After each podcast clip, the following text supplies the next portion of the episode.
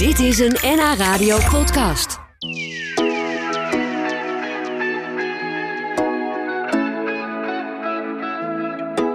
Ik ga praten met de Amsterdamse Milio van de Kamp. Hij is docent aan de Universiteit van Amsterdam. Maar dat werd hij niet zonder slag of stoot.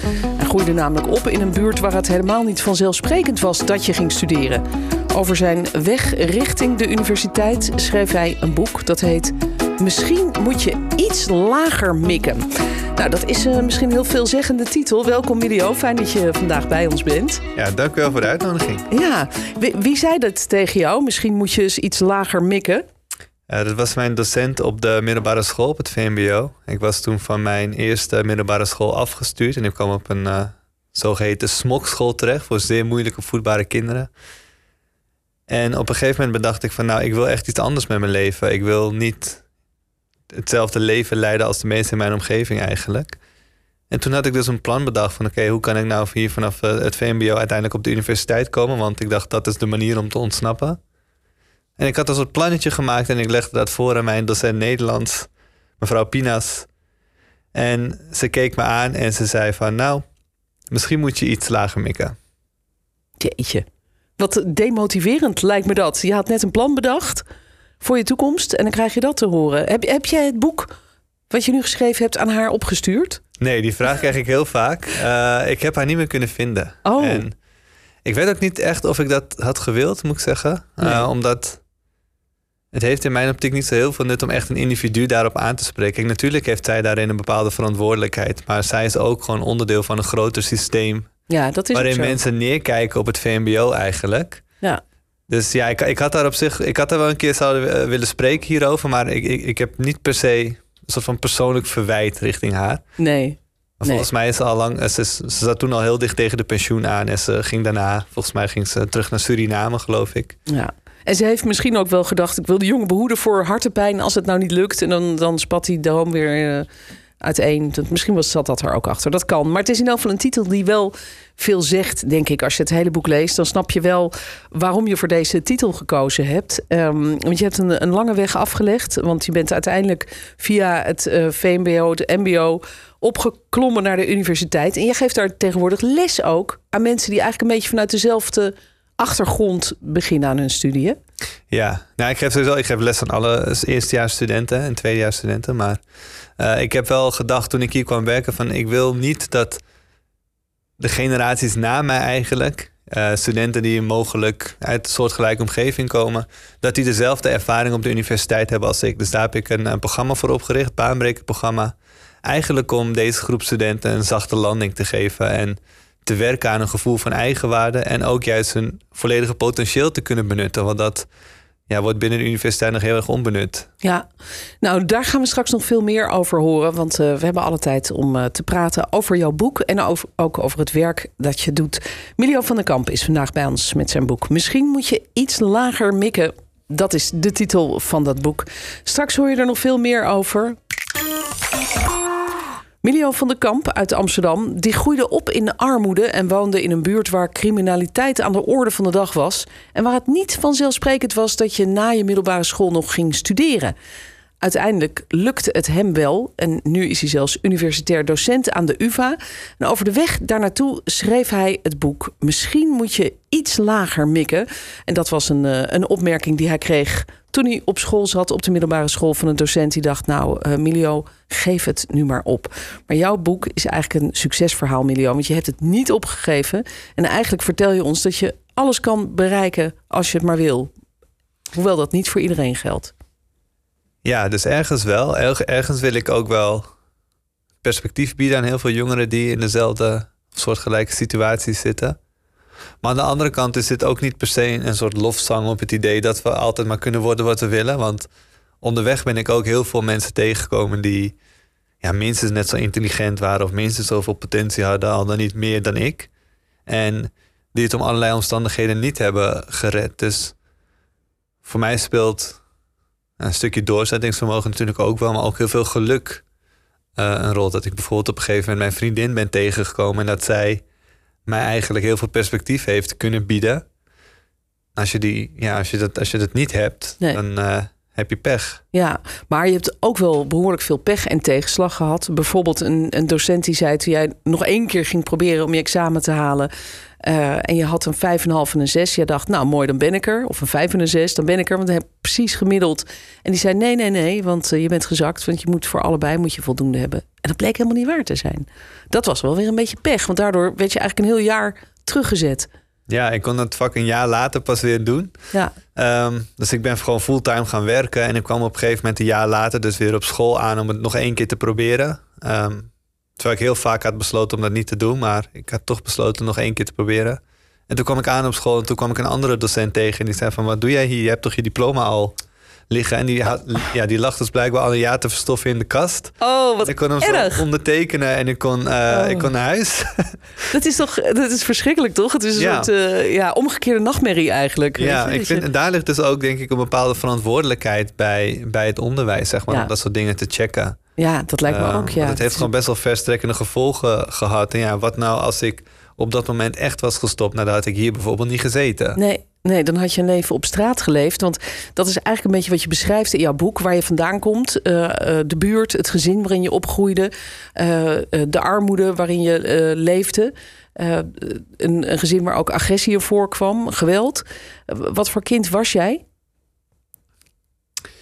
Ik was een kind dat wel heel nieuwsgierig was, maar ik had nooit geleerd om te praten of om mezelf echt te uiten. Wij hadden geen rustige gesprekken aan de eettafel of wat dan ook. Bij ons heerste er gewoon een soort chronische stress eigenlijk, die er vaak voor zorgde dat we gewoon constant aan het schreeuwen waren en heel veel ja, aan het vechten ook waren thuis.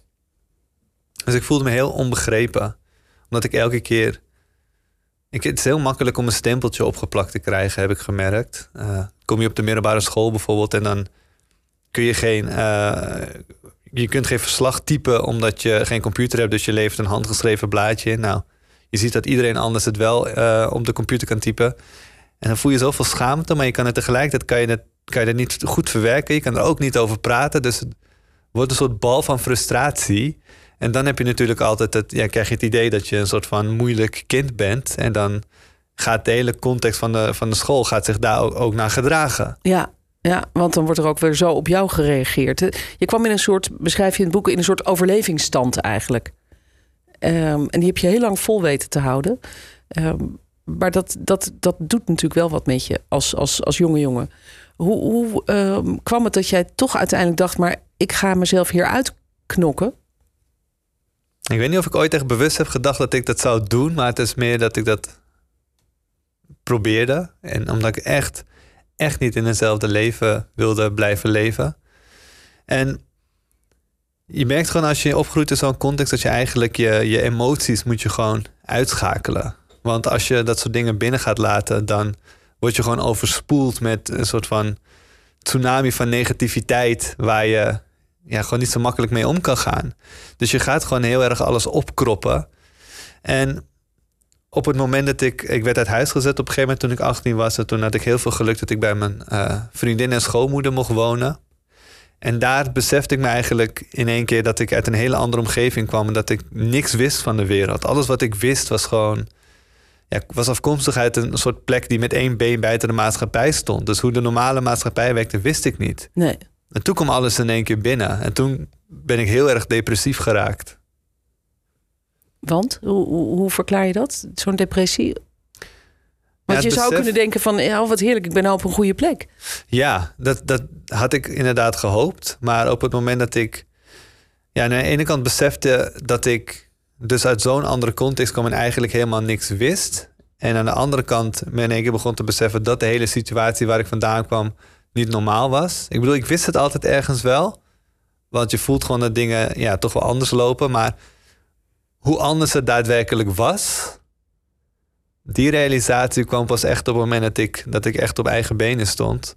En toen werd eigenlijk het hele, ja, het kleine fundamentje dat ik had, alles wat ik wist, werd als het ware onder me vandaan getrokken. En toen had ik geen houvast meer. Toen wist ik niet meer wat ik moest doen en ik kon me nergens toe verhouden. En toen ging eigenlijk die kluis van emoties, die ging als het ware voor het eerst open. Want ik begon te praten met mijn vriendin bijvoorbeeld. En gaandeweg begon ik haar steeds meer dingen te vertellen. En toen kwam alles omhoog. En toen kwam alles door die deur heen barstte, zeg maar. Ja, heftig. Ja, toen raakte ik dus echt wel uh, in een hele zware depressie. Ja, ja, ook, ook daar ben je weer uitgekomen. Uh, je hebt natuurlijk een enorm traject afgelegd. Uh, vanaf de lagere school, waar het al niet makkelijk ging, via VMBO uiteindelijk naar de universiteit. Waar je nu ook les geeft aan, aan jongeren, aan studenten, onder andere met een soortgelijke achtergrond als jij. Straks praten we daar nog even over verder. Want dan ben ik wel benieuwd hoe jij ze kunt helpen met jouw verhaal. omdat jij natuurlijk zelf ook daar vandaan bent gekomen. En, en heel veel hebt moeten, moeten ja, vechten, denk ik toch, om, om te komen waar je nu bent. Uh, je hebt het allemaal mooi opgeschreven in dit boek. Milio van der Kamp is vandaag mijn gast. En het boek dat hij heeft geschreven heet... Misschien moet je iets lager mikken. Je luistert naar Lunchroom bij NH Radio. En ik praat nog even verder met de Amsterdamse Milio van der Kamp. Hij groeide op in een buurt waar het niet vanzelfsprekend was om te gaan studeren. En toch deed hij het. Na het VMBO ging hij naar de MBO en HBO en toen naar de universiteit. En nu geeft hij les, is hij universitair docent aan de UVA. En hij schreef een boek over die lange weg daar naartoe. En dat boek heet Misschien moet je iets lager mikken. Want dat is letterlijk wat er tegen hem gezegd werd op school. Nou, daar heb je niet door laten weerhouden, Milio, gelukkig. Um, maar je beschrijft in het boek heel, heel treffend hoe hobbelig die weg geweest is voor jou. Uh, bijvoorbeeld dat je naar het VMBO ging. Uh, de eerste keer werd je daar ook van school gestuurd. De tweede uh, kon je wel afmaken. Met moeite gezien, nou ja, allerlei toestanden. maar wat je denk ik heel treffend beschrijft is ook dat die schoolgebouwen alleen al uh, zo deprimerend waren en niet uitnodigend, dat je daardoor alleen al een soort ja, extra berg moest overwinnen om te denken: Goh, ik ga deze school lekker afmaken. Ja, het viel me op een gegeven moment op tijdens het schrijven, vooral. Um, dat de meeste VMBO-scholen waar ik ben geweest, dus waaronder mijn eigen, maar ook daarna in mijn werk de vele VMBO-scholen die ik heb bezocht, dat het eigenlijk, nou, het zijn sowieso altijd scholen die vaker in kansarme wijk staan, maar ook dat de gebouwen zelf gewoon altijd wat krakkemikkig zijn. Uh, het gebouw waar ik zelf in zat, dat viel echt van ellende uit elkaar. Alle, al het meubilair zat met kettingen aan de grond vast. Dus onze oh. tafelvoetbaltafel zat, uh, was aan de grond gelast met kettingen. Alle computers waren aan de achterkant met de ketting aan de muur gelast. Zo. Dat, geeft wel iets weer van het vertrouwen in de leerlingen die daar dan uh, een les krijgen. Ja, precies. En als je dat bijvoorbeeld dan merkt, dat was letterlijk dat die, die tafelvoetbaltafel was het eerste wat ik zag toen, uh, toen ik binnenliep. Ja, dat spreekt gewoon boekdelen. En later kom je dus ook op andere plekken.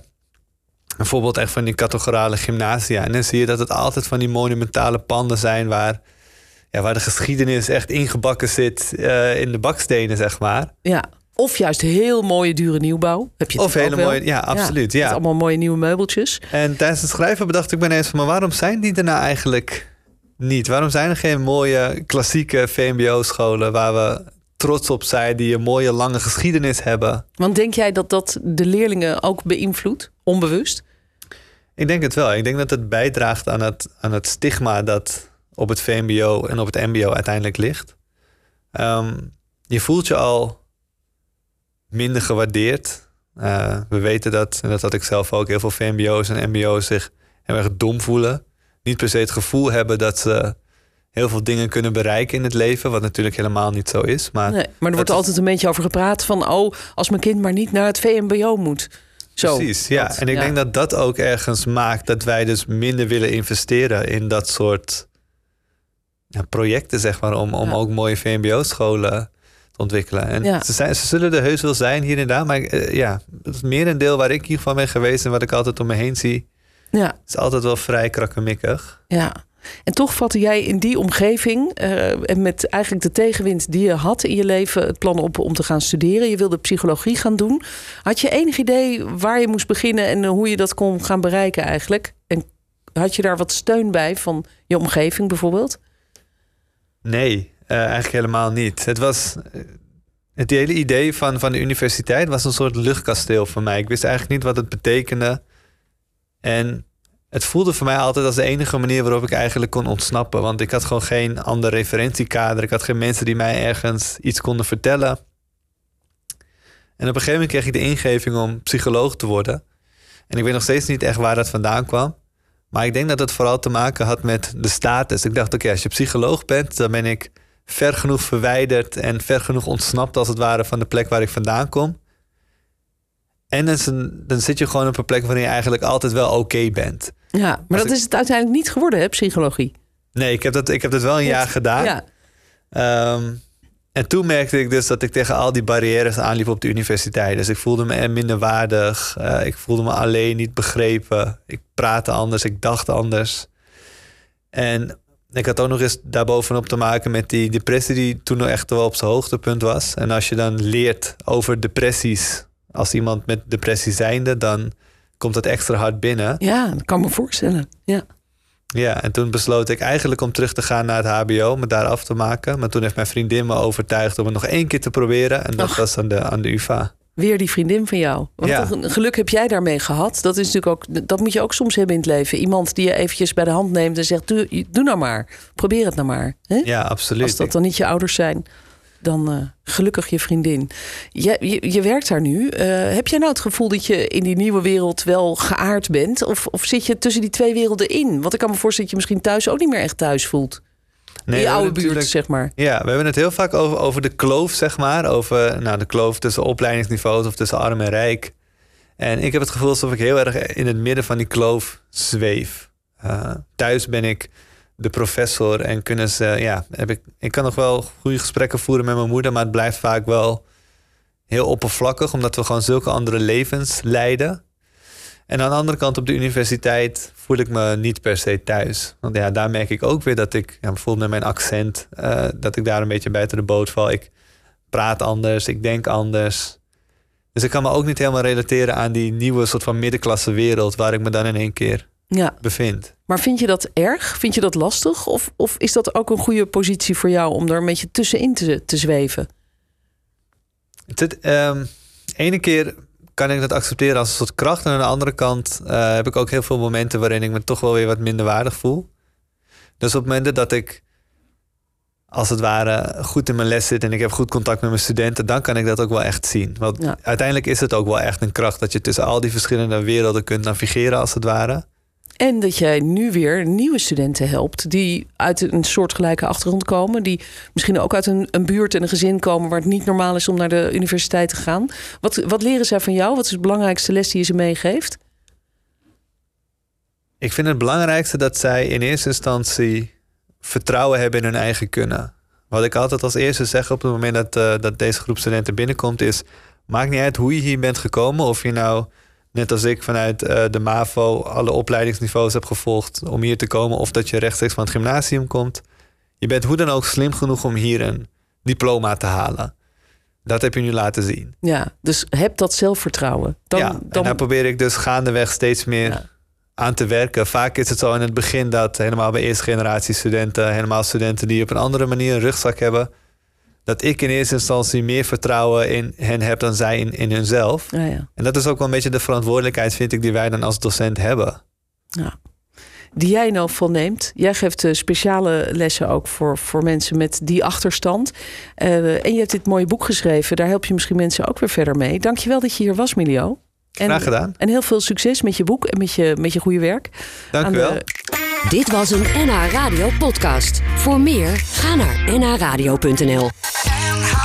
Radio.